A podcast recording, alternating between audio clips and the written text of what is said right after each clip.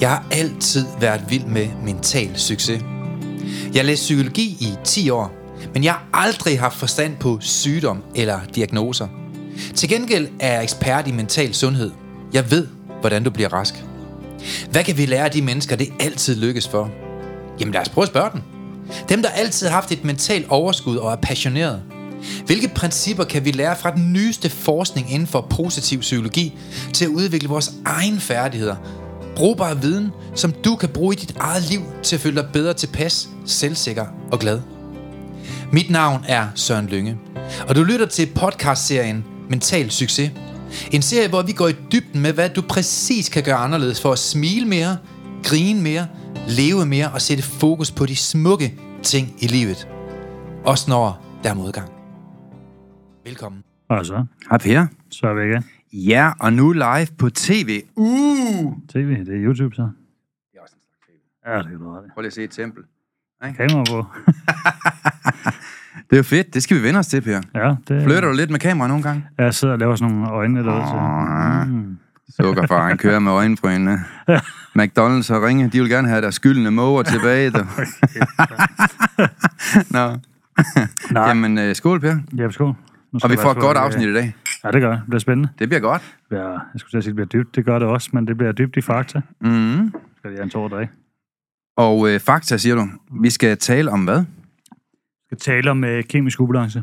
Mm. Og en artikel også, som øh, Psykiatriavisen også selv har udgivet. Om? Øh, jamen lidt om kemisk ubalance også, og nogle Mm. forskningsresultater, der ligger Ja. som der, det undrer mig stadig, og det må ubegribeligt, at der ikke er snakket mere om det her også, at den ikke mm. bliver puttet med ind i uh, debatten. Der kører også, der kører en masse debat nu også i politikken, blandt andet også i forhold til psykolog, øh, og god til det også, at 20 procent af dem mener de også, at det ikke virker for, at det faktisk forværrer. Ja, altså jeg sidder faktisk med artiklen, men ja, det er jo en samfundsproblematik op lige nu, og mm. samtidig er det mega trendy at arbejde med sit mindset. Ja. Og der synes jeg, at vi øh, virkelig puster til det her med, arbejde nu med dig selv. Ja. Du kan gøre meget mere med mentale værktøjer, end du kan gøre ved at sidde og grave i din barndom, og finde ud af, hvorfor du har siddet skævt på potten. 100 procent. Men det er også, altså man kan sige, det er også den der, den er jo solgt, og det bliver også, altså folk kan sikkert gå ind og læse den på Psykiatriavisen mm. også. De kan søge på Google på kemisk ubalance. Øh, Psykiatriavisen, så Hurtigt kommer den også frem. den. Jamen, spørgsmålet er, om man skulle lige øh, læse lidt op fra den, så dem, der Mhm. ikke har læst den, lige har en øh, opsummering af det. Altså, vi har en her, der hedder teorien om den kemiske ubalance. Og jeg kan lige sige, inden vi går i gang med det, så handler det jo om, at... Øh, ja, ej, jeg læser, så kan vi snakke mm. om det bagefter. Teorien om den kemiske ubalance i hjernen er endegyldigt skudt i zinc. Mm. Jeg mener, at det er utroligt trist, at så mange stadigvæk kører ind på teorien om den kemiske ubalance i hjernen, som bliver massivt markedsført af medicinalindustrien, som for øvrigt er verdens dyreste industri og tjener flest penge på jordkloden. Mere trist er det, at vores offentlige sundhedsvæsen, som burde være befolkningens beskytter og vagthund, i stor stil er med til at udbrede denne misforståelse. Mm. Nu er det endelig udgivet et britisk forskning, der klart støder til teorien øh, endegyldigt til hvile, siger Kim Madsen. Øh, ja, der er mange, der siger det her med, at man har en kemisk ubalance. Det retfærdiggør, at vi skal have en masse piller. Og øh, så skal man have noget, du ved, kemisk fremstillet medicin, som skulle retfærdiggøre, at vi kommer i balance igen. Mm. Og her har vi altså en hel generation, der går rundt i Danmark og går og bilder sig selv ind, at hvis man spiser en masse piller, så kan man altså undgå stress, og angst og depression. Men et eller andet sted, så er i hvert fald mange, der mener, det er fuldstændig fis i en hornlyg. Det er ikke en skid med at gøre med en kemisk ubalance, det er noget helt andet, der skal til. Mm. Og det er jo det, der er lidt af debatten, kan man sige for tiden. Ja, man kan sige, jeg synes, det er frustrerende, også fordi jeg har set folk få lykkepiller i stedet for os. Ja, de bliver jo lykkelige af det. Nej. Nå. Øh, kort sagt. Lykkepiller uden lykke. Sådan der. Og, det er det, der frustrerer mig Ja. ja. helt sindssygt også. Det er derfor, jeg bliver vred, hver gang jeg kommer op. Fordi når jeg hører det, at folk siger, at det er på grund af det her, det er på grund af det her, det er ikke Mhm. skid på grund af det her. Ja. Øh, og, og, og en anden ting i det er også, undskyld sprog, Mm. men lige den rager mig lidt, fordi jeg har folk nært på mig også, som har Ja. fået lykkepiller. Øh, og det eneste, det gør, er min, øh, mit syn på det, det er, det giver en osteklok over dem, som vi har hørt, jeg ved ikke, hvor mange gange også herinde. Ja, der er Øh, mange, der sådan... Jamen, det bliver bare, det, det er jo ikke glade mere. Altså, Nej. de er jo bare sådan, bøh. Altså sådan helt, flatliner nærmest. Ja, fordi at et eller andet sted, så kan man jo sige, at øh, medicinalindustrien, de påstår jo, at der er en kemisk ubalance inde i hjernen.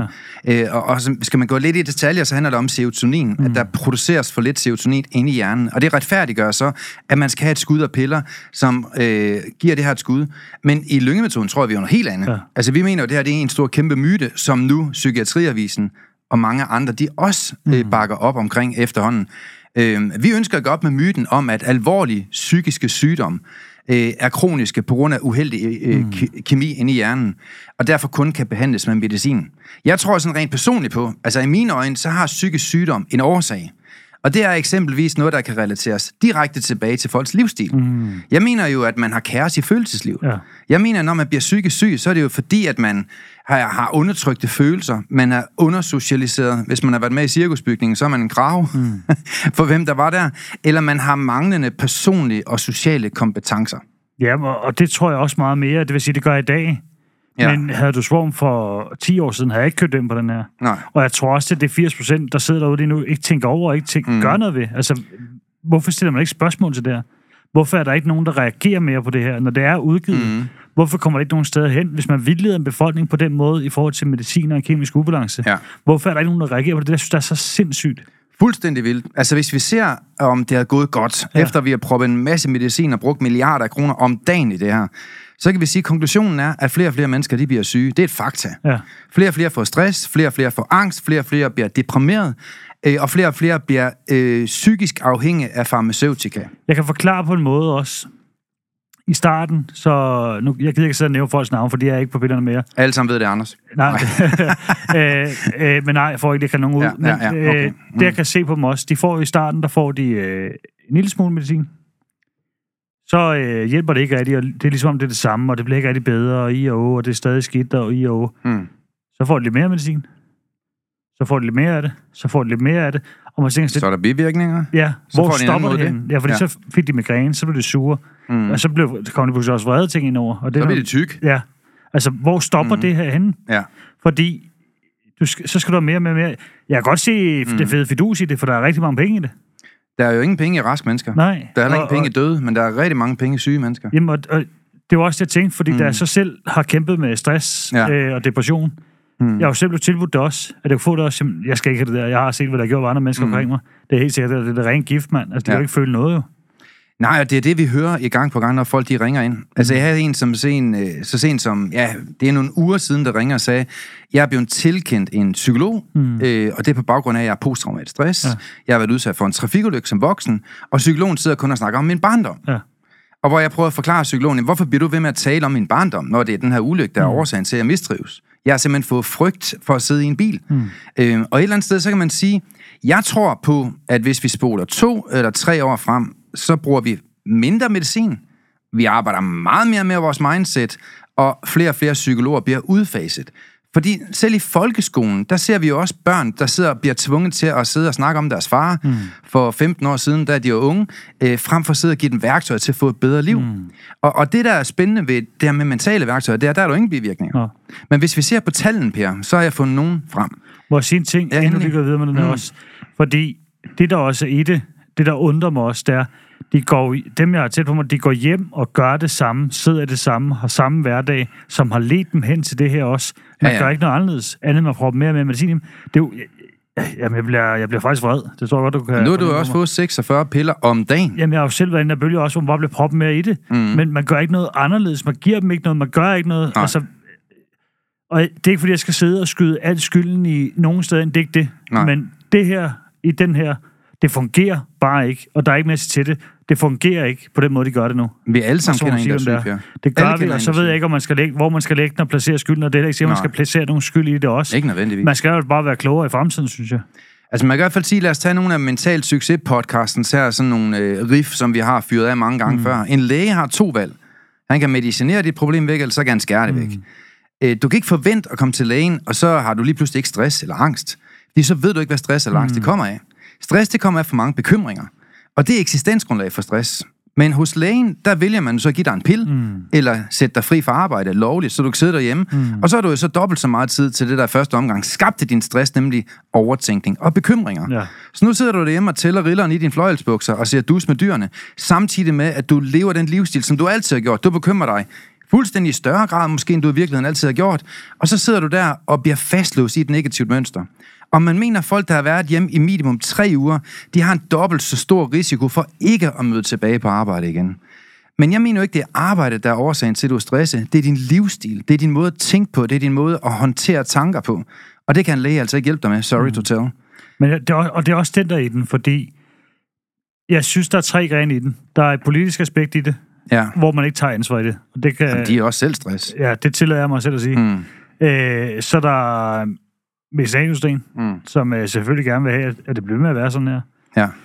Øh, nu håber jeg ikke, at de kommer efter mig. Det gør de sikkert nok. Der ryger nok en missil i din retning snart, Per. øh, medicinalindustrien, men så er der også en psykiatri, Mm. mm. hvor jeg synes, der fejler her. Øh, jeg Mm. mm. synes simpelthen, at man er nødt til at tænke i andre baner. Jeg er Ja. ja. med på, for nogen kan det være en periode, at man siger, man stabiliserer mm. folk med medicin, men at man laver det som løsning i deres liv, det er det ikke. Og så en ting, Mm. som nok vil provokere nogen, jeg siger, Mm. men jeg kan tillade mig at sige det, fordi jeg selv har stået, synes jeg, Mm. det er, mange vælger også at tage den sikre vej i offerrollen. Ja, ja. De sidder og undrer sig selv. Ja, og det er altså også nødt til at sige, Super god fordi medicin, ikke? det er ikke kun, man kan jo ikke, der mm. kan jo Mm. ikke sidde en psykolog og sige, at du er simpelthen nødt til at gå ud og gøre sådan her, eller der kan ikke sidde en læge og sige, at du er nødt til at gå ud og gå en tur, mm. hvis folk ikke gider gå en tur. Nej, det er jo det, der er problemet. De fleste mennesker, de vil godt forblive i offerrollen. Ja. Ja. Der har du i hvert fald en garanti for, at du får et lorteliv. jeg der har kommer du ikke til ud der. særlig meget. Altså- Jamen, du kan også selv se, du havde jo også svært til sidst. Jo, Meget svært. sige, øh, og det kan jo også, jeg kan jo oplyse det også, fordi lige for barn er jeg jo kommet til psykologen. Mm. Øh, Jeg har været til psykologiske ud- udredninger også, som Ja. ja. barn også. Øh, Da jeg går i skole, er jeg også til det også. Mm. Øh, Var der nogen, der har spurgt, øh, hvad det er, der sker op hos min far, Ja, så havde vi måske været et andet sted med mange ting. Mm. Så er nok ikke en 20 psykologer bagefter i hvert fald. ja. Øh, det, der så også var i det, vi skulle sidde og rode rundt i hele tiden, det der også. Så jeg skulle mm. sidde og genleve de der ting hele tiden også, der sad ved psykologen. Mm. Hvor jeg også jeg tænkte, hvor du simpelthen til at stoppe med at spørge om det her nu, ellers jeg taber simpelthen sutten. Jeg går, jeg går mok ind på det kontor, siger, hvis du ikke stopper nu. Du fik også rykket nogle frosne grillkøllinger rundt i luften og smadret nogle vinduer og borer, der har gjort ikke, Per? Jo, jeg var, havde nok lavet nogle ting som Du var ung. Som, frisk øh, fyr dengang, tror jeg. Jamen, det var jeg, da jeg var knægt, men Ja. jeg var utilpas ung, som de kalder det. Mm, Men at blive svinget over det også. Jamen, det der med, at de hele tiden skulle finde ud af, Mm. hvad er det, der er galt med mig? Ja, Hvad er det, der er galt med mig? Hvad, mm. hvad kan de gøre? Burde han have medicin? Burde han mm. også? Jeg skal ikke have alt det lort. nej. Øh, Det, jeg har brug for, det er, at jeg ikke skal op til min far. Mm. Mm. Altså, det var det, der var virkeligheden der. Ja. Jeg siger det jo højt, at jeg ikke har lyst til at skal op. Mm.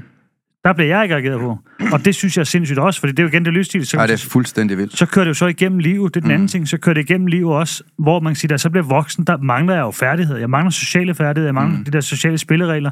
Mm. Øh, måder at håndtere tanker, måder at håndtere alle de her ting også. Det har du fordi, aldrig lært. Det er jo de mentale værktøjer, det er du aldrig jo har det, lært. fordi jeg har været til psykolog, og det er også virkeligheden, jeg har været psykolog gennem hele nærmest mit voksenliv, Ja, på den ene eller anden måde. Mm. Fordi så har jeg haft det svært i en periode, så dør min far, så har det også svært. ja. Øh, så sidder jeg snakker med min far, skal sidde og snakke om døden også, og sidde og snakke, mm. så skal vi så også tilbage i fortiden og køre i det. Og det fik du det ikke bedre af, i hvert fald. Nej, og da, da jeg så kommer til skade også, så skal jeg også til psykolog igen. Mm. Og det skulle jeg gøre, for at vide, i forhold til det, der, i forhold til, hvad hedder det, genoptræning og alt det, Mm. der skulle jeg ud til psykologen.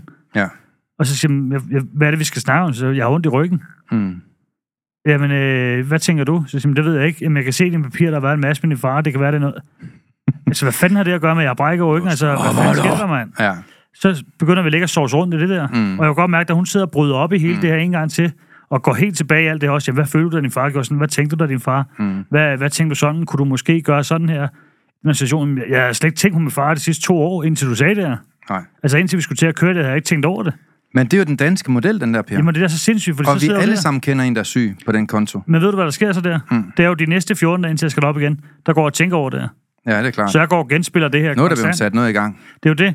Og mm. så starter, der starter jo så i forløb herude. Nu er det ikke, fordi jeg skal og lave reklame for det som sådan. Mm. Men så starter forløb herude også, hvor du siger, vi skal ikke sidde sammen det der. Nej. Vi skal have styr på de ting i, dit liv, der ikke er styr på. Yes. Så du ikke hele tiden leder hen i det der. Og det var jo også første gang, du fik nogle mentale værktøjer. Det var jo lyngemetoden. Jamen, det var også første gang, i, altså de Mm. sidste fem år, det første gang, jeg ikke Ja. ja. på en eller anden måde har været adgang, eller har været i gang med en psykolog, eller hvad det ene eller andet gennem livet. Mm. Fordi nu er det ligesom fri af alle de her ting også. Og jeg, sy- Mm. jeg synes, det er en sindssyg måde, man gør det på med det også. Der er i hvert fald spildt mange kroner. Der er måske ja, brugt en 2-3 millioner kroner på dig, som man kunne have undgået, hvis man gav dig nogle mentale værktøjer i første omgang. Det tror jeg også. Men nu kan vi se i psykiatrien, det der er problemet her, det er, at de gør et godt stykke arbejde. Jamen, de gør Så det, det er, ikke, det er jo ikke en kritik til dig, der sidder og er medarbejder i psykiatrien, det her. Men det er nok mere på et politisk plan. Ja. Ja. For et eller andet sted, så må man sige, psykiatrien har ikke løst problem, problematikken. Nej. Fordi psykiatrien, de er i krise. Fordi de problemer, de er jo sat til at løse, øh, altså folks psykiske lidelser, er ved at vokse fagkundskaben og alle os andre hen over hovedet. Mm. Altså, de stiger og stiger, og der bliver større og større øh, psykiatrier, der bliver flere og flere piller proppet i mennesker, og mennesker, de får det dårligere og dårligere. Så man skulle måske overveje at tænke, om det var den rigtige løsning, Ja, man hvis kan- du propper så mange penge i. Jamen også, hvis du tænker, Danmark var et af de lykkeligste lande, og så ligger nummer to eller tre nu. Ja. Men hvor mange, får, hvor mange har en recept på lykkepiller i Danmark? Jamen altså, det har, det vil jeg tro, 430.000 her. Ja, må vi bryster os af at være et lykkeligste lande? Ja. Jamen, det er klart. Det er nok derfor, vi er lykkelige. Det er alle de piller, der er. Jamen, Jamen, altså, det er jo... Der, Men det er jo der er en problematik, ja. Og på et højere plan, hvor folk ja. Ja. også tager ansvar for de her ting og tager stilling til nogle ting. Jamen, altså, man kan i hvert fald sige, at flere og flere de bliver sygeliggjort øh, igennem diagnoser. Der bliver ja. uddelegeret flere og flere diagnoser alle steder. Der er flere og flere sygemeldinger. Der er flere og flere, der bliver afhængige af piller. Flere og flere voldshandlinger, flere og flere øh, altså selvmordsforsøg. Mm. Der er flere og flere mennesker, der vantrives og får nye diagnoser, og der opfindes nye diagnoser.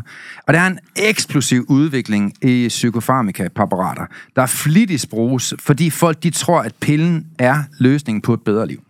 Jeg kan nævne igen. Nu nævner jeg den igen med noget andet også. Mm. Min ADD. Ja, Vi får tæsk for den hver gang, eller det gjorde jeg så indtil jeg nævnte, at jeg selv havde det. Så er det som, ja så faldt folk lidt ned igen. Ja. Mm. fordi jeg tager ikke medicin for det mere. Nej. Jeg tager ikke medicin for det. Men, og jeg men, at vide, at jeg kommer ikke til at fungere i en hverdag, uden ja. at gøre det. Og men det vis mig en pille eller et præparat, der er skabt til at helbrede dig. Jamen, det er Bare det jo ikke. en. Man kan sige, jo, det slukker ned i mit hoved, mm. men det, det fjerner også nogle kreative aspekter i mig. Ja, men det er jo ikke skabt til dig. Nej, og ved du, hvad det også gjorde? Mm. Altså, når jeg tog øh, ADD-medicin, Ja. for mig, der fik jeg hjertebanken, mm. men jeg fik også øh, hen mod angst. Ja. Ja. Det. Men det er jo klart, hvis du ser bivirkningerne, så er de på længde med femte Mosebog. Og der er ingen tvivl om, at øh, mange af de piller, der findes i dag, de er til for at vedligeholde dine mm. problemer. Det kan du også bare se. Mennesker, der får ADD-medicin, det har de i mange, mange år. Mennesker, der får ADHD-medicin, det har de i mange, mange år. Mennesker, der får lykkepiller, det tager de i 7, 16, 20, 20 år nogle gange. Så man kan sige, at mange af de piller, der er lavet, er jo ikke lavet til at kurere din sygdom. De er lavet til at gøre, at du bliver vedligeholdt. Selv en psykolog, hører jeg jo igen og igen, fortæller, når du har angst, lille Lotte, ja, det har jeg. Nå, så skal jeg lære dig at leve med angsten. Ja. I lyngemetoden siger vi, prøver, at du kommer til at leve fuldstændig sat fri for angst. Mm. Men det er jo vanvittigt at tænke på, fordi jeg tror, at vi mangler viden. Ja. Ja. Jeg tror på, at der er mange, der ikke ved, hvad psykiske lidelser de skyldes. Mm. Fordi havde de vidst det, så de lavet det med mentale værktøjer. Så man givet en recept på mentale værktøjer. Det gør man. Det gør man så også nogle steder, ja. steder i Danmark, kan man sige. Ikke? Men man kan sige, at øh, efter 50 års forskning, så er der stadigvæk ikke fundet spor af biologiske eller neurokognitive markører, der kan forudsige specifik psykologisk perpetuologi, til trods for massiv økonomisk og forskningsmæssig og politisk satsning. Og de siger, en af dem, der står for Harvard Medical School, de siger, prøv at høre, der er ikke fundet beviser for, at det her det virker mm. overhovedet. Så hvis man gerne vil have et bedre liv, og at medicin det ikke virker, mm. så skal man måske prøve at overveje at arbejde med sit mindset som supplement. Men der, der, for mig var det jo også, der er noget autoritet i, når du går til lægen. Men der er også et helt andet aspekt, som folk nogle gange glemmer. Ja, Når du står sygemeldt, mm. man kan sige, jeg står med en brækkeryg, jeg står, ligger der, og jeg er nede og rammer jorden. ja. Der får jeg at vide, at jeg skal tage dig ud, Mm. ellers så risikerer jeg at blive trukket rent økonomisk. Mm. Hvad sker der? Jamen, kan du ikke huske Ruth, der ringede til os, som sagde, at uh, hendes læge har sagt, at hvis du ikke vil have medicin, så kan vi hjælpe dig. Ja. Men det er jo fordi, at man vil jo også gå det forkerte sted hen. En ting er, at staten, de bruger penge på medicinalindustrien. Mm. Sjovt nok er det så også medicinalindustrien, der på mange områder finansierer staten, så det hænger jo meget godt sammen. Øh, det, er jo, det er jo en sammensvend, som vi nok ikke kender ret meget på. Ja. Men det gør jo bare, at hvis du gerne vil sættes fri for sygdom, og du mener, at medicin ikke har hjulpet dig efter et par måneder eller tre, så skulle du måske overveje, om hvorvidt det er dine livsstilsproblemer, der ligger til grund for, at du har hovedpine, at du ikke kan sove, mm. at du har muskelspændinger, at der er uro i maven, at du er stresset, at du øh, har angst, at du er deprim- deprimeret osv. osv. Fordi vi ser jo igen og igen dagligt mennesker blive sat fri mm. for de her ting, hvis de ellers gider arbejde med deres mindset. Ja. Fordi tanker øh, er jo intimiderende, hvis det ikke er de gode og de sunde tanker, vi har i vores liv. Og mange mennesker, de forstår ikke, hvor stor en magt en tanke har. Men lad os prøve at se, hvad en tanke den kan gøre i vores liv. Altså for hver en tanke, dig der sidder derude nu, prøv bare at have én tanke. Prøv at tage en tilfældig tanke. Tænk på et eller andet. Og så vil jeg godt fortælle dig, hvad der sker inde i din hjerne, når du vælger at tænke på præcis den tanke, som du har valgt. Lige nu, på baggrund af den tanke, du har valgt, så udskiller din frontlap adrenalin og hormoner i hele din krop. Dine lever, den begynder at bearbejde enzymer på baggrund af den tanke. Din milt og din sinuskirtel begynder at sende en sådan form for kæmpe e-mail ud til dit immunsystem. Dit blod det bliver pumpet rundt i din krop og skaber forandring. Din hjerterytme, den forandres. Dine lunger ændrer deres kapacitet. Som et lyn udsendes der et utal af elektroniske impulser og neuroimpulser ud til din hjerne, og milliarder af kemiske processer udløses. Og så har jeg et spørgsmål. Mm. Kunne det tænkes, at produktet af vores tanker og deres effekt i vores krop kunne være med til at lede vores krop i ubalance, mm. eller det, som jeg kalder sygdom. Mm. Så sagt med andre ord, kan man tænke sig syg? Ja. Og hvis man kan tænke sig syg, nu ved jeg ikke, om der er nogen af jer derude, der er blevet smittet med stress, eller du er blevet smittet med angst, eller du er blevet smittet med depression. Men lad mig anmode, at det er der ikke nogen af jer, der er blevet. Mm. Den angst, den stress, den uh, frustration, der ligger i dit liv omkring vrede, det er noget, der er skabt igennem din måde at tænke på. Mm. Og kunne det tænkes, at man kunne måske, hvis man kan tænke sig selv syg, så også lære at tænke sig selv rask? Mm. Kunne det tænkes, at man kan regulere det, vi føler, og hvordan vi har det, igennem at få nogle nye og bedre tanker? Og det mener jeg, at lyngemetoden, de gør ved alle mennesker. Og det har vi jo bevist gang på gang. Men jeg vil Så sige spørgsmålet er også- ikke, om du vil have et bedre liv. Nej. Spørg, eller om du kan få bedre liv, det kan du. Ja. Spørgsmålet er, om du vil. Fordi Ja. de fleste, de gider ikke betale prisen for det. De vil hellere tage en pille. man kan styre langt mere, end man tror. Meget, meget mere, Meget mere. end folk vil antage. Og også meget, meget, jeg tror også, og nu er det ikke, fordi jeg skal sidde det ene eller andet, mm. men jeg tror også, vi kan styre mere, end vi allerede ved nu. Ja. Øh, fordi jeg kan se det med smerter. Også Ja. med smerter. Hvor jeg blev proppet med det lort af alle mulige forskellige typer af medicin. Ja. Jeg tager ikke nogen i dag. Nej, du er Jeg har lært at håndtere for det. smerterne med tanker. Mm. Man kan sige, det er den anden dag også. Altså, jeg, Ja. jeg har fået min finger ud af led. Mm. Hvor det, ja, det gør ondt. Det gør rigtig ondt. Den sad Ej, det jo til lytteren, det skal de simpelthen vide, det er mega griner. Ja. Piers finger, den kom lige i klemme i et vindue. Ja. Og det gjorde faktisk, at den sad, og jeg, jeg lyver ikke, altså 90 grader, det er overdrevet, du ved, hvor den sidder helt Så vinklet. 45 Men Den grader, sad i hvert fald over 45 grader. Ja. Og så tog sukkerfar lige fingeren og tænkte, det der det ser forkert ud. Ja. Så rykker han ud i den med store smerter. Op på plads og ned igen. Yes. Så, Det er, det er hardcore nok. Ja, ja. Jamen, og det er også, det er hardcore også fordi, jeg står og tænker lidt, jo, det gør ondt. Jeg kan vælge at reagere helt sindssygt på det nu, og lige Ja, tage det ja. roligt. Hvad gør jeg? Ja. Og, og det er jo, det er det er jo for den sindssygt, der. fordi jeg blev så meget mere rationel til det. Mm. Det kan godt være, det ikke lige var måden og fremgangsmåden. Jeg vil sige, lægen ude på skadestuen, der måtte jeg tage ud dagen efter. Hun var ikke så imponeret, kunne jeg forstå. Jo, hun var. Nå, hun Øh, var, Den okay. første læge, jeg kom ned til, hun sagde, det er ikke lige måde, man gør det på normalt. Nej, det ved jeg godt, men der var to timers kø til 1813. Ja. Nu lever vi jo i Danmark. Kan vi leve i Singapore eller et eller andet, så er der er det fem fint. minutters kø. Nu er Ja. der 25 timers kø på et dansk hospital, man. Hvad har du selv forestiller dig? Så jeg, det gjorde jeg, og så øh, var den så brækket, fandt jeg ud af også Ja. ja. dagen efter. Øh, der blev lige taget røntgen og noget. Men øh, Sådan der. det er jo igen det der også, håndtering af det, håndtering af smerte også. Mm. Kan man, man, man kan så meget mere med hjernen, end folk egentlig tror. mere. Men også i forhold til, hvordan du bruger kroppen, og hvordan du mm. sammensætter hverdag. Mm. Alle de her ting også. Nu nævnte jeg ADD før også. Ja. Jeg, der hjælper koldvandsbadning og mig mm. til at få gang i kroppen om morgenen, også få gang i en sløv hjerne, der starter mm. sløvt. Øh, til ligesom man kommer hurtigt i gang, og ligesom fungerer. Ja. Øhm, og det, efter jeg begyndte på det, der har jeg jo kunne koble medicinen samtidig med nogle andre og strukturering i forhold til min hverdag også. Øh, I forhold til, hvordan jeg arbejder, i forhold til distraktioner også. Mm. Alle de her ting sammensat har jo ændret, hvordan jeg agerer og lever som menneske, men også, hvordan jeg tænker og føler. Jamen også, hvordan du er lykkeligere på et helt Ja, andet ja, niveau end før. 100%. Før der sad du jo og vejede meget mere, end du gør nu. Ja, ja. Du vejede 150 kilo ja. før. Nu vejer du 75. Ah, Ah, er ah. Nu Stadig jeg- voksen mand, ja, ja, jeg er også ved at tage på, faktisk, Ja. ja. Jessica, hun siger, at du spiser for meget, Søren. Nå.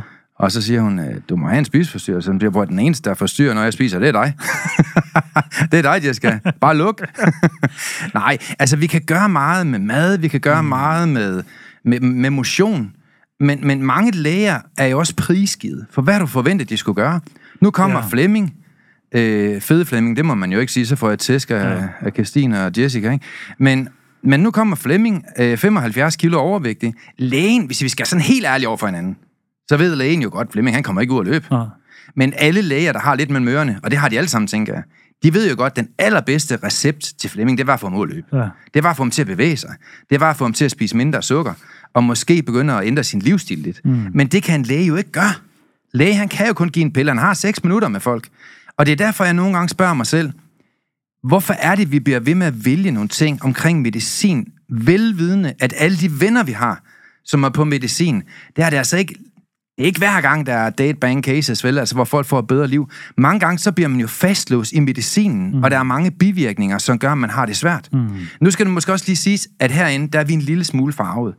Fordi dem, der ringer til mig, og det er flere om dagen, mm. det er jo alle sammen nogen, der har været lidt uheldige ja. med, at, med at få noget forkert medicin, og alle sammen måske, der har været til psykolog mm. eller to, hvor det ikke virker, ikke? eller sidde og analysere deres barndom med en psykoterapeut. Så, så jeg er også en lille smule farvet, kan man sige. Men jeg synes bare, at vi ser i vores samfundsdebat, Per, at flere og flere mennesker, de mistrives, og flere og flere mennesker bliver sat fri for problemer, når de begynder at arbejde med deres mindset. Jamen, du nævner det, det jo også her. Du siger jo igen, de kan ikke sige det deres livsstil. Ja. Det er jo folks livsstil. Det, det er den ene ting i det. Det er deres mm-hmm. livsstil.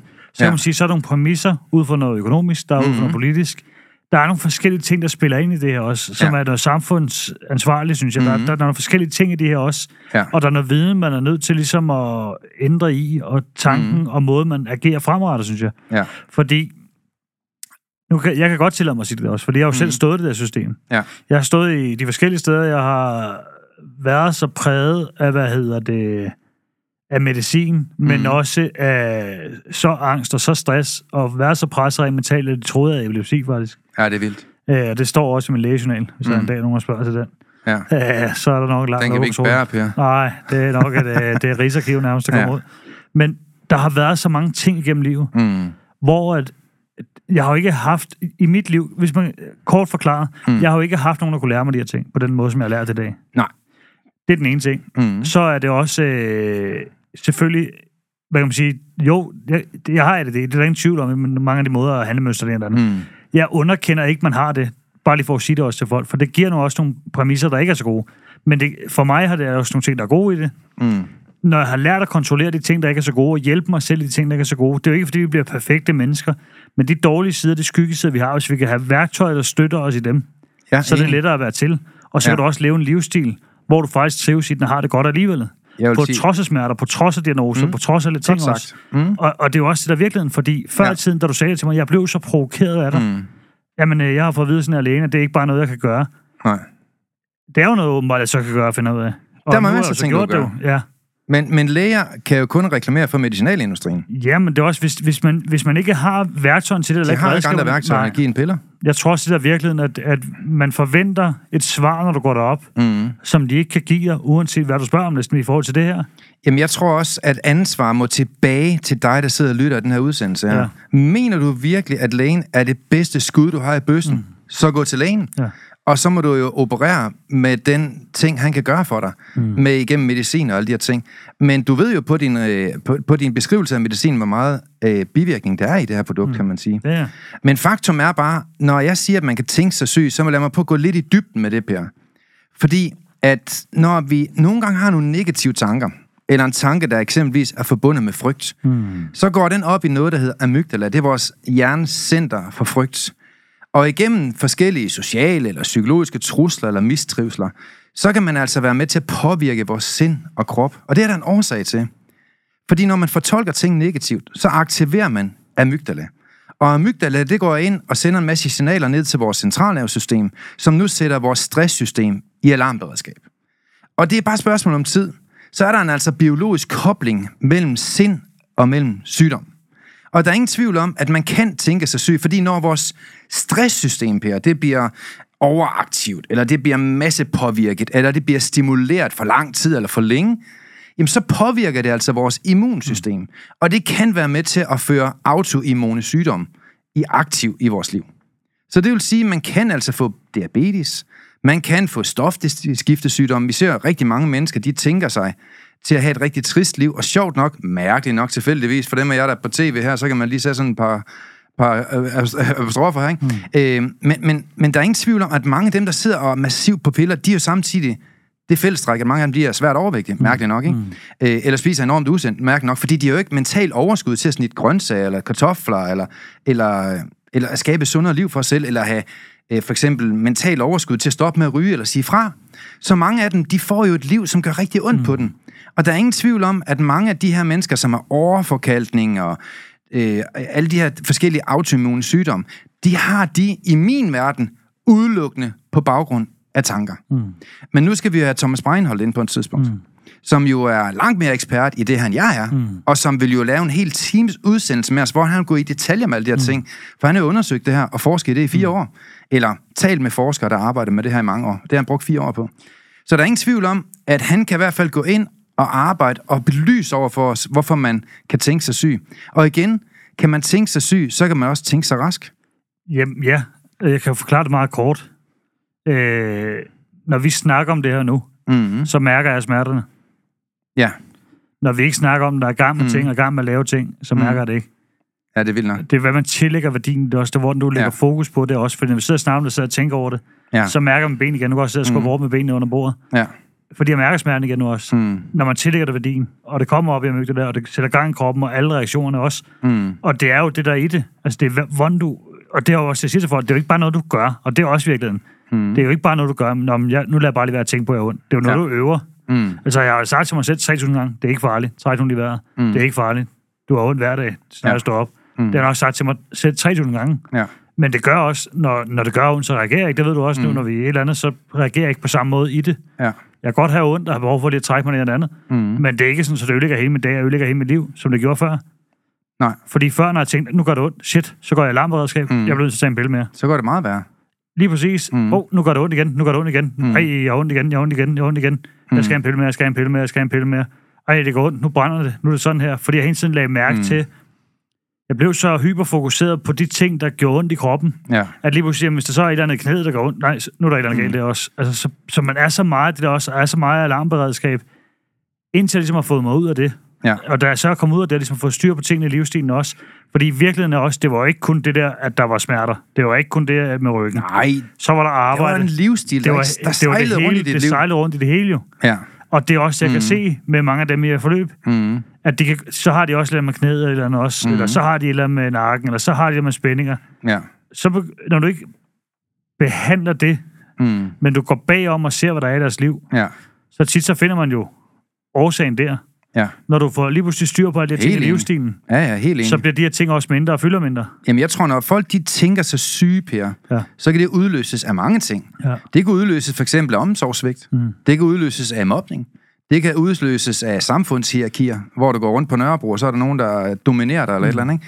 Øh, omvæltende livsbegivenheder, en skilsmisse for eksempel, eller en, du elsker, der dør. Mm. Øh, det kan være traumer, det kan være social isolation, det kan være et fjendtligt ægteskab, eller en ven, der ikke lykkes for dig. Der er jo mange ting i de sociale spilleregler, der, der munder ud i, hvordan du har det i din krop, og hvordan du har det i din cykel. Mm. Så, så jeg tror også, det er vigtigt det her med, det også, jeg ved med, at der er mange af, af, dig derude, der måske tænker, jamen det der med, at man kan tænke sig væk fra smerten, det tror jeg simpelthen ikke på. Men, men lad mig argumentere, bare stille og roligt. Gå ind og spørg en bodybuilder. Mm. Spørg en, der vejer 150 kilo, ikke kan gå igennem en dør. Gjorde det ondt at træne? Øh, nej, vil han sige. Og så spørger ham igen, jamen altså, mener du seriøst, det ikke gjorde ondt at løfte 500 kilo i bænkpres? Øh, jo, jo, det gør faktisk rigtig ondt. Øh, er der slet ikke øm i musklen? Jo, jo, jo, altså. Når man spørger på den måde, så, så, så gør jeg faktisk rigtig ondt, og jeg, jeg er faktisk mega øm. Jamen, hvorfor siger du så, at det ikke gør ondt? Jamen, det ved jeg ikke. Det har jeg måske ikke lige haft fokus på. Det vil de alle sammen sige. Mm. Spørg en maratonløber. Jamen, gjorde det ondt at løbe 42 km? Jeg laver selv grin med det på min foredrag. Mm. Øh, ja, det, jo, nej, det gjorde faktisk ikke ondt. Jamen, altså, mener du det seriøst? Nej, øh, nu hvor du spørger, så, så gjorde det faktisk rigtig ondt. Øh, men, men det ved jeg ikke. Jeg har nok fokus på min sejr. Jeg har fokus på det lykkes. Jeg har fokus på, at jeg skal se min familie. Jeg har fokus på, at jeg skal have en buket blomster. Jeg har fokus på, at jeg skal stå og sprøjte champagne af dig, over dig lige om lidt. Altså, man, man flytter jo sit fokus, og så sker der faktisk det, at man mindsker smerte. Jamen, jeg kan jo se det også. Jeg har et andet eksempel også med min bror. Mm. Øh, han har jo brækket ryggen, hvad er det, fem steder, og nakken to steder efter en gårdseløg. Ja. Øh, og han, sagde- han var videre lægerne også, det ene og det andet. Og Det var, det var rigtig skidt. Altså, mm. hvor de tænkte, han tager var. Ja. Øh, ellers bliver han larm. Øh, og, mm. og hans tanke var, da han ligesom kom op og stod ben igen, Mm. jeg skal lave en med. Ja. Hvor de tænker, hvad, hvad fanden er han helt på Mm. morgen? Men det har han jo så gjort. Ja, det er sindssygt. Så spørger man, har du ikke, gør det ikke ondt? Jo, det gjorde ondt hele vejen. Ja, men det vil han skide på. Ja, men han har jo sat sig Sådan for det der. også. Og nu står han jo i dag mm. fuldstændig trænet. Jamen, han er den Øh, type, der, der er fuldstændig Du ligeglad. kan også se, han har, mm. så han åbenbart en hofte, der skal udskiftes. Han har fået udskiftet hoften. Ja. Øh, dagen efter var han ude og gå rundt på krykkerne. Hvor Mhm. der, han får videre lægen, du er nødt til lige at lige bremse lidt ned. Mm. Øh, så du ikke bare kører på. Ja. Og det var bare Ja. derude. Han løber også igen og cykler igen nu også. Ikke? Ja. Øh, men som man også siger, han skal bare ikke hjem og ligge i den livsstil, han havde før. Han skal ikke være overvægtig, som han var der på det Nej. tidspunkt, til skade. Han Lige skal nok. ikke de der ting. Han skal sørge for, at han Mm. kan alle de præmisser, han kan. Sørge for, at kroppen er sund, hjernen er sund. Mm. At han har styr på sin mindset, at han har styr på sin krop. Han har styr på de ting også, Mm. mm. fordi så lever han godt liv alligevel. Selvom han har jern i det halve af kroppen, ikke? Jamen, det er sindssygt. Og der er det været et budskab til dig, der sidder og lytter på derude nu. Prøv at der er mange mennesker, der har været udsat for skuffelser. Mm. Og, og no offense, ikke for at sidde og, og, og, og gøre mig selv bedre, men har vi ikke alle sammen været skuffet? Jo. Har vi ikke alle sammen haft noget, der gjorde ondt? Og et eller andet sted, så tror jeg, at det her med at have fokus på al din elendighed, på alt det, du ikke bryder dig om, på al din sygdom, på alle de her ting, det kan være med til at forværre processen mm. langt mere. Og så er det jo mange mennesker, de går ind og selvmedicinerer sig selv med stoffer, eller med alkohol, eller overdreven sex, eller rusmidler. Det, det, det ser vi jo hele tiden. Og der er der ingen tvivl om, at mange af de her ting, de dæmper dit stresssyndrom, og de, de dæmper ting i dit liv, og du, du skifter fokus. Ja. Men den efterfølgende effekt er bare skam, skyld og fortrydelse. Og det er en rigtig dårlig måde at cope mm. med din smerte på. Faktum er bare sådan. Og det er der måske 20 procent af Danmarks befolkning, der gør. Det er ikke noget, jeg ved noget om. Det er bare et skud, jeg lige kører for hoften. Men, men der er også nogen, der coper med de her ting på en god måde, Per. Der er nogen, der vælger at forløbe lyngemetoden, mm. og så vælger de 32 værktøjer, som giver dem et bedre liv, hvor de committer sig mm. til at få en mentaltræner, der træner dem i alle de her ting. Der er nogle mennesker, der coper med det ved at begynde at blive kunstnere. Mm. De begynder at lave malerier, de begynder at lave musik, de begynder at komme i et studie, de begynder at spille instrumenter, de begynder måske at lave et billede. Og, og mange mennesker coper jo med indre smerte på en sund måde. Men man kan også cope med indre smerter på en negativ måde, hvor du udvikler misbrug. Mm. Og jeg tror bare, at alle mennesker står for et valg. Du kan vælge at tage en pille. Du kan vælge at arbejde med dit mindset. Du kan vælge at cope med det igennem at lægge knald øh, mm. alle mulige og umulige mennesker. Øh, det, det styrer du selv. Jeg, der er ingen fordømmelse herfra. Men mange af de livsstilsmønstre, vi selv skaber, har bare for store negative konsekvenser i vores tilværelse. Mens du frit kan vælge, kan du ikke frit vælge konsekvenserne af din valg. Og selvom at mange ting lystmæssigt kan være rigtig rart, at man får lyst til at ryge tjal, eller man får lyst til at ryge en tampon, eller hvad der nu tænder på, så er det jo ikke alle de valg, vi træffer, som har en særlig god psykologisk påvirkning mm. på vores trivsel fremover. Og der mener jeg jo den måde, når mennesker de vælger at bruge noget konstruktivt til at få deres smerte ud med igennem kunst eller musik, øh, det er jo fantastisk. Eller når vi eksempelvis oplever, at mennesker de begynder at arbejde med sit mindset. Mm. Men der er nok ingen tvivl om, at dig, der er derude, du står for et valg. Du kan vælge, hvorvidt at du vil cope med det, her, fordi det er ikke nødvendigvis psykologen, der giver dig ret. Nu, nu kan vi se i politikken.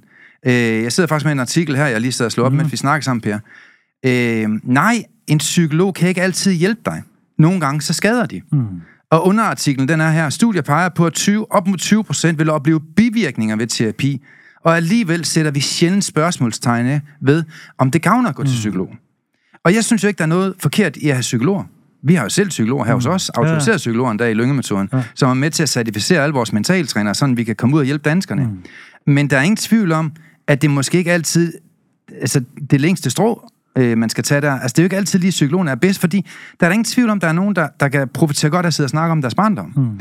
Men jeg vil bare sige, at jeg tror, at vores tid i Danmark nu i år 2023, det skifter.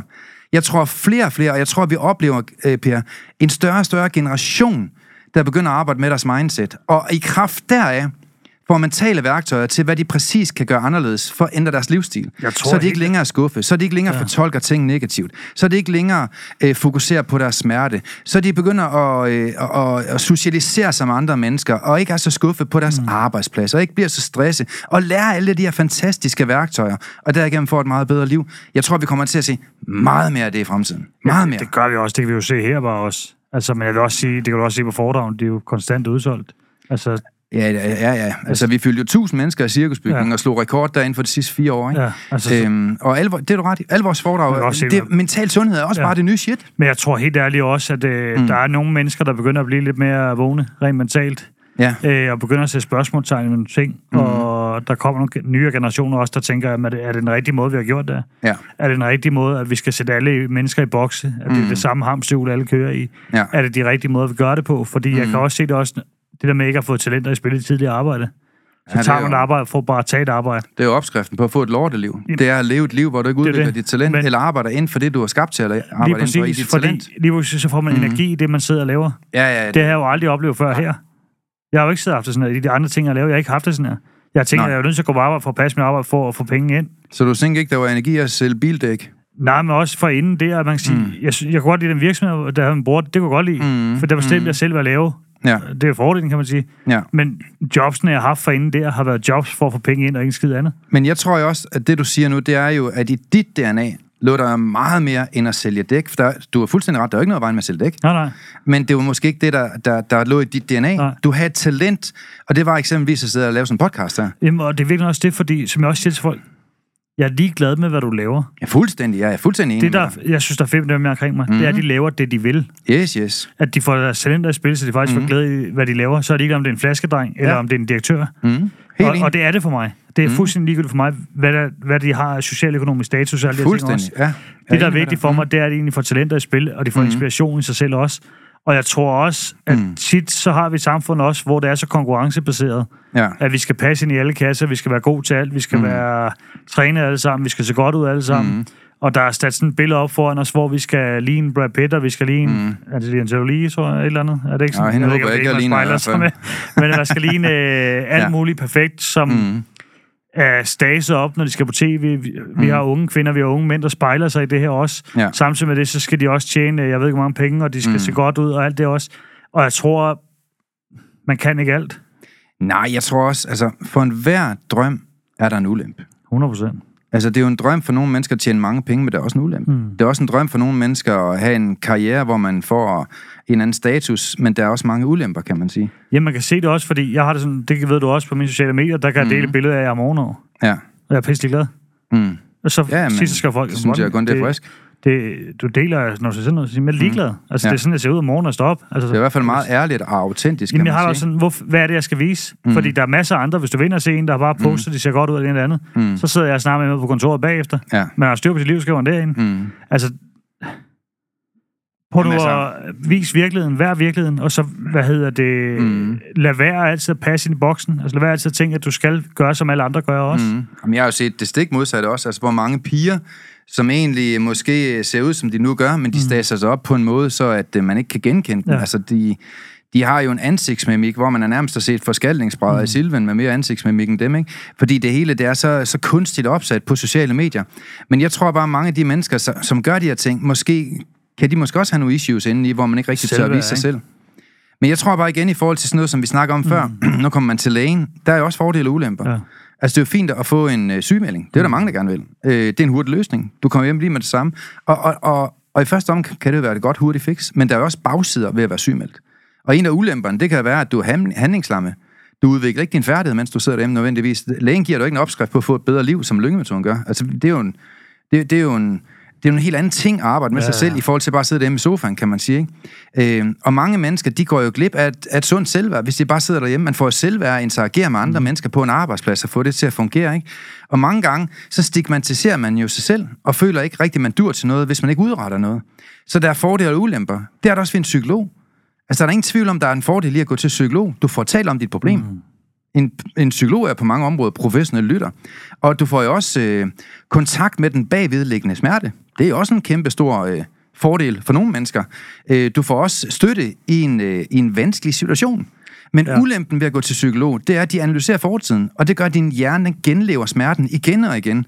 Ulempen, ulempen det er, at du får nødvendigvis ingen mentale værktøj hos en psykolog. Mm. Så og igen, så kan man sige en diagnose. Jamen Søren, det må da være en fordel at få en diagnose. Lad os nu lige være enige om en ting. Vi alle sammen har alle sygdomme. Du har lidt stress, det har jeg også. Du har lidt angst, det har jeg også. Du har lidt øh, PTSD, eller mm. hvor vi kan have nogle små traumer. Det har vi alle sammen. Alle sammen har lidt angst. Altså, vi alle sammen har lidt af hvert. Når du får en diagnose, så er det fordi, det lige stikker helt af mm. på et område for dig, kan man sige. Ikke? Øhm, og det er jo en lettelse for nogle mennesker, men man skal bare huske på, at det er jo bare en dokumentation på, at du har et problem. Ja. Længere er den jo ikke. Så ja. man kan sige, at der, det er jo en forklaring, det er fordelen, det er forklaring på din lidelse. Mm. Men ulempen igen, Per, ved en diagnose, det er, der er ingen forklaringsværdi. Det sygeliggør tusindvis af mennesker om dagen. Der er for mange mennesker følelsen af ansvarsfrihed. Nu har jeg fået en diagnose, så kan jeg ikke gøre for det jo. Der er mange mennesker, der forbliver dermed i smerten. Mm. Der er mange, der ikke har fokus på selv at tage ansvar for at smerte, øh, fjerne smerten i deres liv, og tage ansvar for at ændre deres livssituation. Og der er mange mennesker, der ikke er løsningsfokuseret. Og der er mange mennesker, der bare har en stor undskyldning for at arbejde med sig selv, fordi nu har jeg en diagnose jo, så kan jeg ikke gå for det. Så man kan sige, igen, der er fordele og ulemper. Der er også fordele ved at tage en pille. Jamen, Søren Lynge, hvad er fordelen ved at tage en pille? Jamen, der er der masser af fordele. Det sætter en kemisk dæmper på følelser og tanker. Mm. Det kan være en fordel. Det øh, kan dulme din smerte. Det er der ingen tvivl om, nogle piller de kan. Det er jeg fuldstændig overbevist om. En pille kan også sagtens lægge låg på din elendighed. Det kan jo slukke dig med en osteklok. Men der er også ulemper mm. ved farmaceutika. Du bliver afhængig. Der er milliarder af bivirkninger. Du kan behandlingslamme. Det er ekstremt dyrt. Det er ofte unødvendigt, i min verden i hvert fald. Du bliver enormt sløv. Det gør man mange gange i hvert fald. Og mange mennesker, de mærker ikke sig selv, og de mister lysten til at arbejde med sig selv. Ja, og det der er så sindssygt nogle gange, synes jeg. Mm. Øh, der kender jeg jo igen øh, begge aspekter der også. Ja, du har prøvet begge dele, Per. Ja, ja, også familie, der har ADHD også, og, mm. og selv har ADD. Øh, og for nogen bliver det en undskyldning. Det gjorde ja. det også for mig i starten. Jamen, det er fordi, jeg, bare se. Det er ulempen øh, med piller. Og så lige pludselig, så kan man tillade sig at Ansvarsfraskrivelse ja. i værste skuff. Jamen, og, ja, og det har jo selv gjort også i mange ting. Mm-hmm. Øh, hvor at, man kan sige, jeg vil sige sådan, jeg vil sige sådan også, det eneste, det gjorde for mig, ja. det var at få forklaring på, okay, men jeg er måske lidt anderledes med nogle ting. Mm. Det gav det mig en forklaring på, og gav mig noget ro i det. Mm. Men så tænkte jeg jo også, jamen, hvad er det så, jeg skal gøre nu for ligesom, at håndtere det? Mm. Og der står så på bare bund. Mm. Nu har jeg fået diagnosen. Jeg kunne få medicinen. Ja. Men, men hvad skal jeg gøre med de issues, der så er? Mm. Ja. Hvordan bliver jeg bedre til at øh, få struktureret en hverdag, når jeg ikke kan finde ud af det selv? Hvordan mm. bliver jeg bedre til at gøre det her ting også? Hvordan får jeg sammensat en hverdag, hvor jeg ikke mm. regulerer mm. op og ned i følelser, ja. som er nogle af de, som nogle af, nogle af de ting, der er med det. Ja. Øh, hvordan får jeg styr på tankemøller? Det fik mm. jeg jo ingen svar på. Hvordan får jeg styr på overtænkning? Og, og det mener jeg jo, at jeg har opfundet et svar på. Jamen, det kan jo, nu har jeg jo selv været i det, kan man ja. sige. Øh, mm. Og det har det jo også for mig, og det er mm. derfor, jeg kan være medicin for i dag. Ja. Fordi mange af de ting, man får mm. i medicinen, kan du udløse naturligt i egen krop. Og jeg er fuldstændig enig.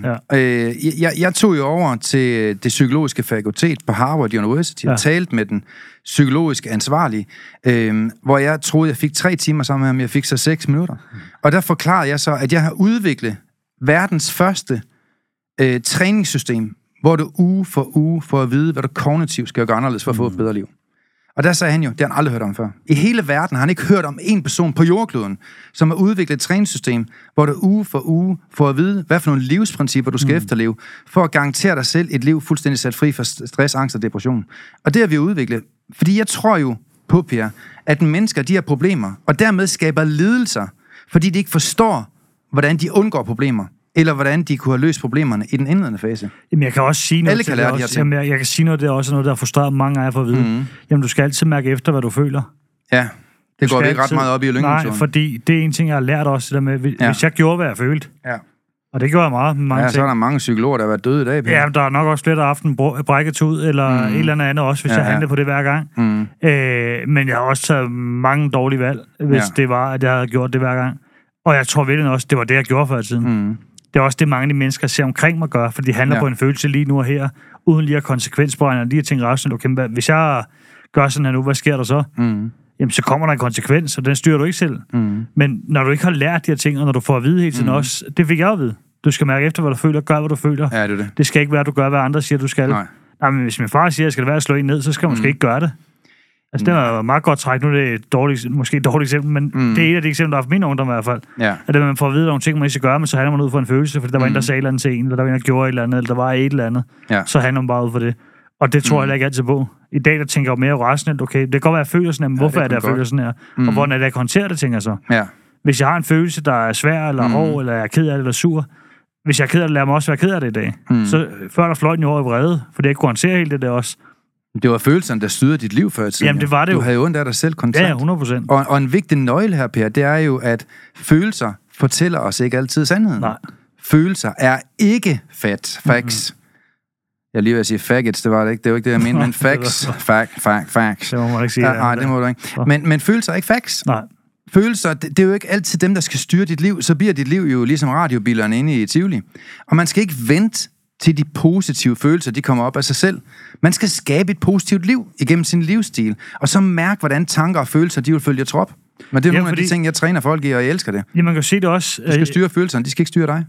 Øh, nu tager jeg noget igen, den har jeg hørt om tusind gange her. Mm. Men har jeg lyst til at gøre ting, skal gøre det? Nej. Mm. Har jeg lyst til at stå og banke på et hus? Nej. Er jeg nødt til det? Ja, hvis jeg ja. vil hen, hvor jeg vil hen. Jeg er ikke nødt til det, jeg kan bestemme mig selv. Mm. Men hvis jeg gjorde med følelser, så var jeg ikke kommet nogen sted. Ja. For der var ikke meget det, jeg lavede. Der var ikke noget, der jeg lyst til. Nej.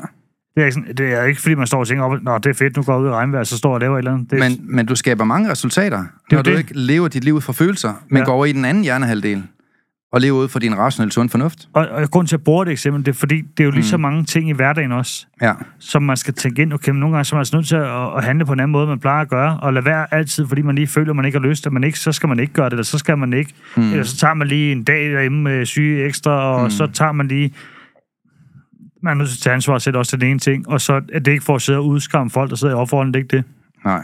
Men tag jer sammen. Nå, Ja, men, ja, men et eller andet sted, altså, Ja. man er nødt til at tage noget ansvar selv også. Jamen, det bliver du nødt til. Hvem skulle ellers gøre det? Jamen det er det, altså uanset hvad, mm. sidder man syg med også, du siger det også til mig, mm. så siger man, men Per, du er et nu- nummer i køen dernede. Ja, er du gal, mand. Du kommer til at sidde og vente og rødne op. Altså, Altså, du skal tage dig sammen og arbejde med nogle værktøjer, der ændre dit mindset. Ja. Så får du bedre liv, og du mindsker smerte. Længere er den ikke? I min verden. jamen, og, og det, man siger jo selv gået igennem jo, og, og det er også det, jeg vil sige, fordi for, for inden da, mm. der har jeg jo været igennem med det ene eller andet, Ja. og psykolog og smerte og ting, og, Mm. men det der også er i det, der ligesom får noget konstruktivt, kan gøre, Ja. så begynder jeg jo til styring i det selv også, og det giver en styrke tilbage til en selv, Ja. som ligesom, okay, nu får jeg simpelthen ryddet op i det her. ja, fordi så kommer du i kontrollen. Det er meget Lige mere præcis, 100 procent. Jeg har et citat for en, øh, jeg læste, jeg ved ikke, om det er en gammel artikel eller noget ny, men det er i hvert fald en, der hedder Per, Peter Damgaard Hansen. Han er autoriseret psykolog, eller det var han, i noget, der hedder integreret psykologi. Jeg ved ikke, om det er en gammel eller ny artikel, mm. det kan jeg ikke lige se, for jeg kan ikke lige finde øh, datoen. Det er også ligegyldigt. Pointen det er, at han skriver sådan her. Mulighederne for smerteundvigelse er talløse, og psykiatrien står interessant nok parat hver år med talrige nye forslag til nye diagnostiske kategorier, der sygeliggør endnu flere normale mennesker. Og giver den den falske forestilling, at eksperterne ved, hvad der er galt med den, og de nu kan blive normale ved at tage medicin. Til stor glæde for medicinalindustrien, som tjener imponerende summer på denne udvikling. Og når vi taler summer, så taler vi altså, de tjener milliarder, ja. Ja. milliarder af kroner af vores statskasse, ryger jo direkte i lommerne på medicinalindustrien, mm. fordi danskerne, de gider ikke arbejde med sig selv. De gider bare at sidde og æde piller, og så tænker de, at det hele nok skal løse helt af sig selv. Og nu kan du se den nye fedmepille. Det er jo et fuldstændig super eksempel på, at du skal ikke gøre en skid forskel. Du kan bare sidde og æde alt det lort, du i forvejen spiser, men nu bliver du så tynd, samtidig med, at du spiser alt dit rådenskab. Et eller andet sted, så skulle man måske spørge sig selv, årsagen til, at jeg er 500 kilo overvægtig, kunne det tænkes, at jeg spiser forkert? Mm. Og kunne det tænkes, at selvom jeg spiser mindre, mindre mængder af mad, at jeg så stadigvæk skulle prøve at spise lidt mere sundt, mm. næringsrigt indhold af mad, og måske skrue lidt ned for sukkeret, og måske skrue lidt op for bevægelsen. Mm. Men nej, nej, danskerne, de vil bare hellere have en pille. Og det får de jo så, og så tjener Novo jo så om 40 millioner om dagen på den. Eller og, og det er også, timen, det, er jo det, der er vildt også, og det der mener med... Det siger jo meget om danskerne. Ja, men det siger meget om alle. Jeg tror, det er menneskenatur også, at øh, man tager den lette vej, hvis man kan tage, det, tage den lette vej nogle gange også. Ikke? Ja, det er det, Flemming, han gider ikke udløb. Nej, og det er også det virkeligheden, altså, fordi mm. nogle gange så er det også hårdt arbejde at få styr på sit liv. Ja, Men man kan også vælge at leve 30-40 år, hvor Ja. man ikke har det særlig godt, hvor man mm. bare er i live, men man ikke lever. Ja, mange de dør jo cirka 30 år, før de ryger i graven. Jamen, og det er jo også det, der går op for mig i dag. Mm. Det er jo det med, at jeg er i gang med at skabe et liv, jeg faktisk lever, Ja. og ikke bare overlever i. Mm. Og, og det, det vil jeg ønske for langt flere, de gjorde. Ja. Få styr på deres livsstil, få arbejdet med de her ting, Mm. komme ind og få øh, trukket sig selv ud af offerrollen også. Mm. Og hvis de ikke selv kan det, så kan de, ja, jeg sige, kan de bare ringe, så skal jeg nok hjælpe dem med det. Få et los i røven. Øh, Ja, jamen, altså, det vil jo være gode til at give folk herinde. Altså, ja. Ja. der, er ingen, øh, der er ingen sukker søde med her. Altså, alle folk, der ringer til mig og arbejder med deres mindset, så siger jeg øh, tillykke med en god beslutning. Det bliver ja. du rigtig glad for. Det siger jeg til rigtig mange ja. mennesker hver dag. Og der er ingen tvivl om, at dem, der gør det, de får et nyt og bedre liv af det. Alle sammen. Der er ingen Men... Bivirkninger ved at arbejde med sit mindset. jo, jeg er god bevirkning. Ja, du kan, du kan miste alle dine lortevenner, som du ikke gider have i forvejen, fordi de bliver nok misundelige over, at du lige pludselig går op på næste step i, i tilværelsen. Ikke? Men, men, men der er ingen tvivl om, at arbejde med sig selv, og arbejde med sin mindset, det er jo, det er, det er jo i min verden i hvert fald nøglen til at få et markant bedre liv, og det ser vi jo mange gange om dagen. Ja, 100 procent. Og så synes jeg, at folk de skal lære at leve med smerte. Der er ingen tvivl om, mange mennesker, de mener jo, at, øh, at, at smerte, det er jo ikke en naturlig ting af et normalt liv, men det mener jeg jo, det er. Smerte er et sundt liv. Altså smerte er en no- normal ting i et normalt liv. Nu har du set, du har brækket dine fingre, mm. men du kan stadigvæk godt have en god dag. Ja, ja. Det er jo ikke smerten, der definerer, hvorvidt du får en god eller dårlig dag. Det er jo dig. ja, men det har den gjort før i tiden. Ja, altså dit liv har været smadret før i tiden. Så ja. du siddet og haft af den finger, ja. Der er fortalt til Gud, og hver mand den er Ja. brækket. I dag, der går du, du er videre med et arbejde, der giver dig noget, noget positivt, der giver dig en god dag. Og det er jo det, jeg synes, der er fedt ved at, ved at leve, det er jo, at man kan træne folk i at få et godt liv, uanset næsten, hvor de er i deres liv. Ja, jeg tror også, det er det der med, Jeg kan huske for mig, der var sådan, ej, det lyder for godt til at være sandt for mig i starten. Mm. Indtil jeg selv kom i forløb og selv gjorde det. Ja. Og man kan sige, det er ligesom at være, ja, det er kun en måned, halvanden, jeg er inde, hvor jeg begynder at mærke en forskel i mig selv. Mm. begynder Ej, du bliver mere glad, kunne man se Ja. også, ikke? Jo, 100 procent, og jeg fik håb igen også. Mm. Og jeg tror også, det der er for nogle så har man også mistet håbet, når man sidder der helt smadret og ligner en smadrekastmand, skulle jeg til at sige. Mm. Øh, man, man sidder der helt færdig og ikke rigtig ved, hvad man skal gøre. Ja, For mig var det i hvert fald, det var vejen ud. Det var enten Mm. det eller op ud for anden sal, ikke? ja. Så, så en opfordring derude er nok også, lad være altid at tage den vej, du får at vide. Nogle gange så prøv at tænke ud af boksen, og så eventuelt, øh, ja, Mm. mm. se om vi kunne hjælpe dig måske også. Altså, det vil i hvert fald være oplagt. Man kan jo sige, øh, altså hele det, det system, jeg har bygget op, det er bygget op omkring, hvad meget vellykkede mennesker de har Mm. gjort rigtigt, og hvad vi andre, vi kan lære af dem. Og hvis man gerne vil have et bedre liv, så er nogle af de ting, man rent faktisk kan gøre, det er at give slip på det, der i første omgang ikke burde være i dit liv. Ja. Alle de dårlige venner, dem der trækker dig ned, alt det, der er negativt. Ikke at leve dit liv efter dine følelser. Mm. Mange mennesker, de gør, hvad der passer dem. Mm. Lever deres liv efter deres følelser. Og et eller andet sted er det jo primitivt, fordi vores følelser, de tænker jo ikke frem. Vores følelser tænker jo ikke, hvad er sundt for os i overmorgen. Vores følelser tænker jo ikke sådan, de er jo impulsstyret, og de, de tænker jo ikke i moral eller etik. Og jeg tror, der er mange ting, man kan lære den menneskelige hjerne, fordi alle hjerner fungerer ens, vi programmerer den bare meget forskelligt. Og når man træner sig selv i et systematiseret system, øh, hvor man lærer, hvordan man giver slip på ting, der ikke bør være i ens liv, hvor man lærer at tage ansvar for sit liv, hvor man lærer, at der er en, der holder en i hånden i alle syv måneder, hvor man lærer at takle negative tanker, takle negative mennesker, lærer at klage på en sund måde, lærer at tænke og sige fra. Når man lærer alle de her ting, lærer, hvad man skal implementere i sit liv for at blive mere glad og lykkelig, lærer at leve sit talent, og alle de værktøjer, vi har, de er jo så delt op i 32 forskellige værktøjer. Når man lærer de her ting, så får man et markant bedre liv. ja, det er 100 procent. Og det, ja, det kan du og mange andre skrive under Ja, på. det- Og der vil jeg sige igen, min pointe var bare, der er der jo ikke nogen bivirkninger. Nå. Der er ikke nogen bivirkninger ved at begynde at arbejde med sit mindset. Nå. Så, øh, så ja, for at, at, at svare på det, vores spørgsmål var i starten, Per. Jeg tror på, at man kan tænke sig rask. Og jeg tror på, at man kan tænke sig syg. Og jeg mener ikke, at den bedst tænkelige løsning, det er en pille. Mm. Jeg mener, at den bedst tænkelige løsning, det er, at du tager ansvar for at begynde at arbejde struktureret med dit mindset mm. omkring mentale værktøjer. Og det mener jeg, det bliver en langt større trend, mere og mere, og det ser vi jo allerede nu, at folk de praler af, at de arbejder med deres mindset, og man kan se det i deres livsstil. Ja, så det var også meget mere op i medierne nu, heldigvis. At øh, der begynder at blive stillet skarpt på det her også, at vi ikke bare bliver med at købe den samme gamle historie om, hvor man skal gøre. Men ja, jeg kunne godt tænke mig, at for sig det, selv, kan man sige. ja, jeg kunne godt tænke mig, at det havde været mere synligt også, at det, ja. at det var blevet sendt mere ud, den her Mm. mm. artikel. Men øh, det er, hvad det er. Det kan være, det kommer. Ja, altså du kan jo som... Øh, nu, nu har vi jo valgt at tage debatten op her i Mental Succes podcast. Hvis vi ikke skulle gøre det, så ved jeg næsten ikke, hvem der skulle gøre det. Men, øh, men det kan du høre mere om i de kommende, kommende afsnit, der kommer. Der skal vi både have nogle fantastiske mennesker ind, der har fået et nyt liv, øh, fuldstændig sat fri for alle de her øh, psykiske lidelser. Og vi skal også have Thomas øh, Breinholt ind. Han har i hvert fald sagt ja til at komme ja. Ind øh, i forhold til, hvad siger forskning omkring, hvorvidt man kan tænke sig rest. Det har han jo brugt, som sagt, fire år på. Og så, øh, så skal vi lære lidt om, hvordan man kan ændre sit mindset også. Så der er mange gode afsnit foran os, Per. Yes. Mm? Vi skal lige have dagens gode råd, og skal vi til at runde af. Ja, altså dagens gode råd, det er for mig noget simpelt, som vi har snakket om hele tiden, det er, at øh, det her, det kommer ikke til at ske af sig selv. Altså, du kommer ikke til bare at få et nyt liv, uden at gøre noget anderledes. Mm. Hvis du gør, som du altid har gjort, så vil du opnå de samme resultater, som du altid har fået. Men hvis du gerne vil have et nyt og bedre liv, så kommer det med en pris. Mm. Og det er, at du vælger at arbejde med dit mindset. Så det er min store, store opfordring til alle mennesker. Og hvis man ikke ved, hvor man skal gøre det hen, så øh, der er nok mange steder, der kan byde ind med at arbejde med din mindset. Men inde på Lyngemetoden har vi jo trods alt gratis værktøjer. Så du kan jo gå ind på lyngemetoden.dk, og der vil der være fuldstændig gratis værktøjer, hvor du kan gå i gang. Du kan også gå ind på YouTube og se, om øh, Lyngemetoden ikke har lavet en masse videoer. Vi har også lavet en app, der hedder Lyngemetoden, sjovt nok. Øh, du kan downloade, øh, hvor, hvor du kan få nogle gratis værktøjer til at komme i gang med at arbejde med dig selv.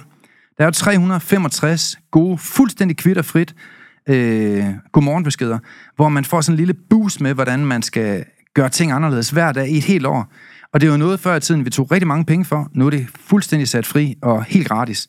Så download appen Lyngemetoden. Gå ind og lyt til en morgen podcast hver morgen, sådan en morgen inspiration hilsen, mm. og mærk, hvordan at mentale værktøjer, de kan være med til at ændre dit liv. Det er mit gode råd i dag, Per. Mm. Tak for det. Tak for i dag. Vi er glade for, at du har lyttet med på podcastserien Mental Succes. Hvis ugens emne har givet dig værdi, så er du meget velkommen til at dele det på sociale medier. Og hvis du har lyst, så har du mulighed for at møde os hver måned, når vi turnerer Danmark rundt med åbne foredrag og giver mentale værktøjer væk. Vi glæder os til at se dig på mentalsucces.com. Vi ses i næste uge.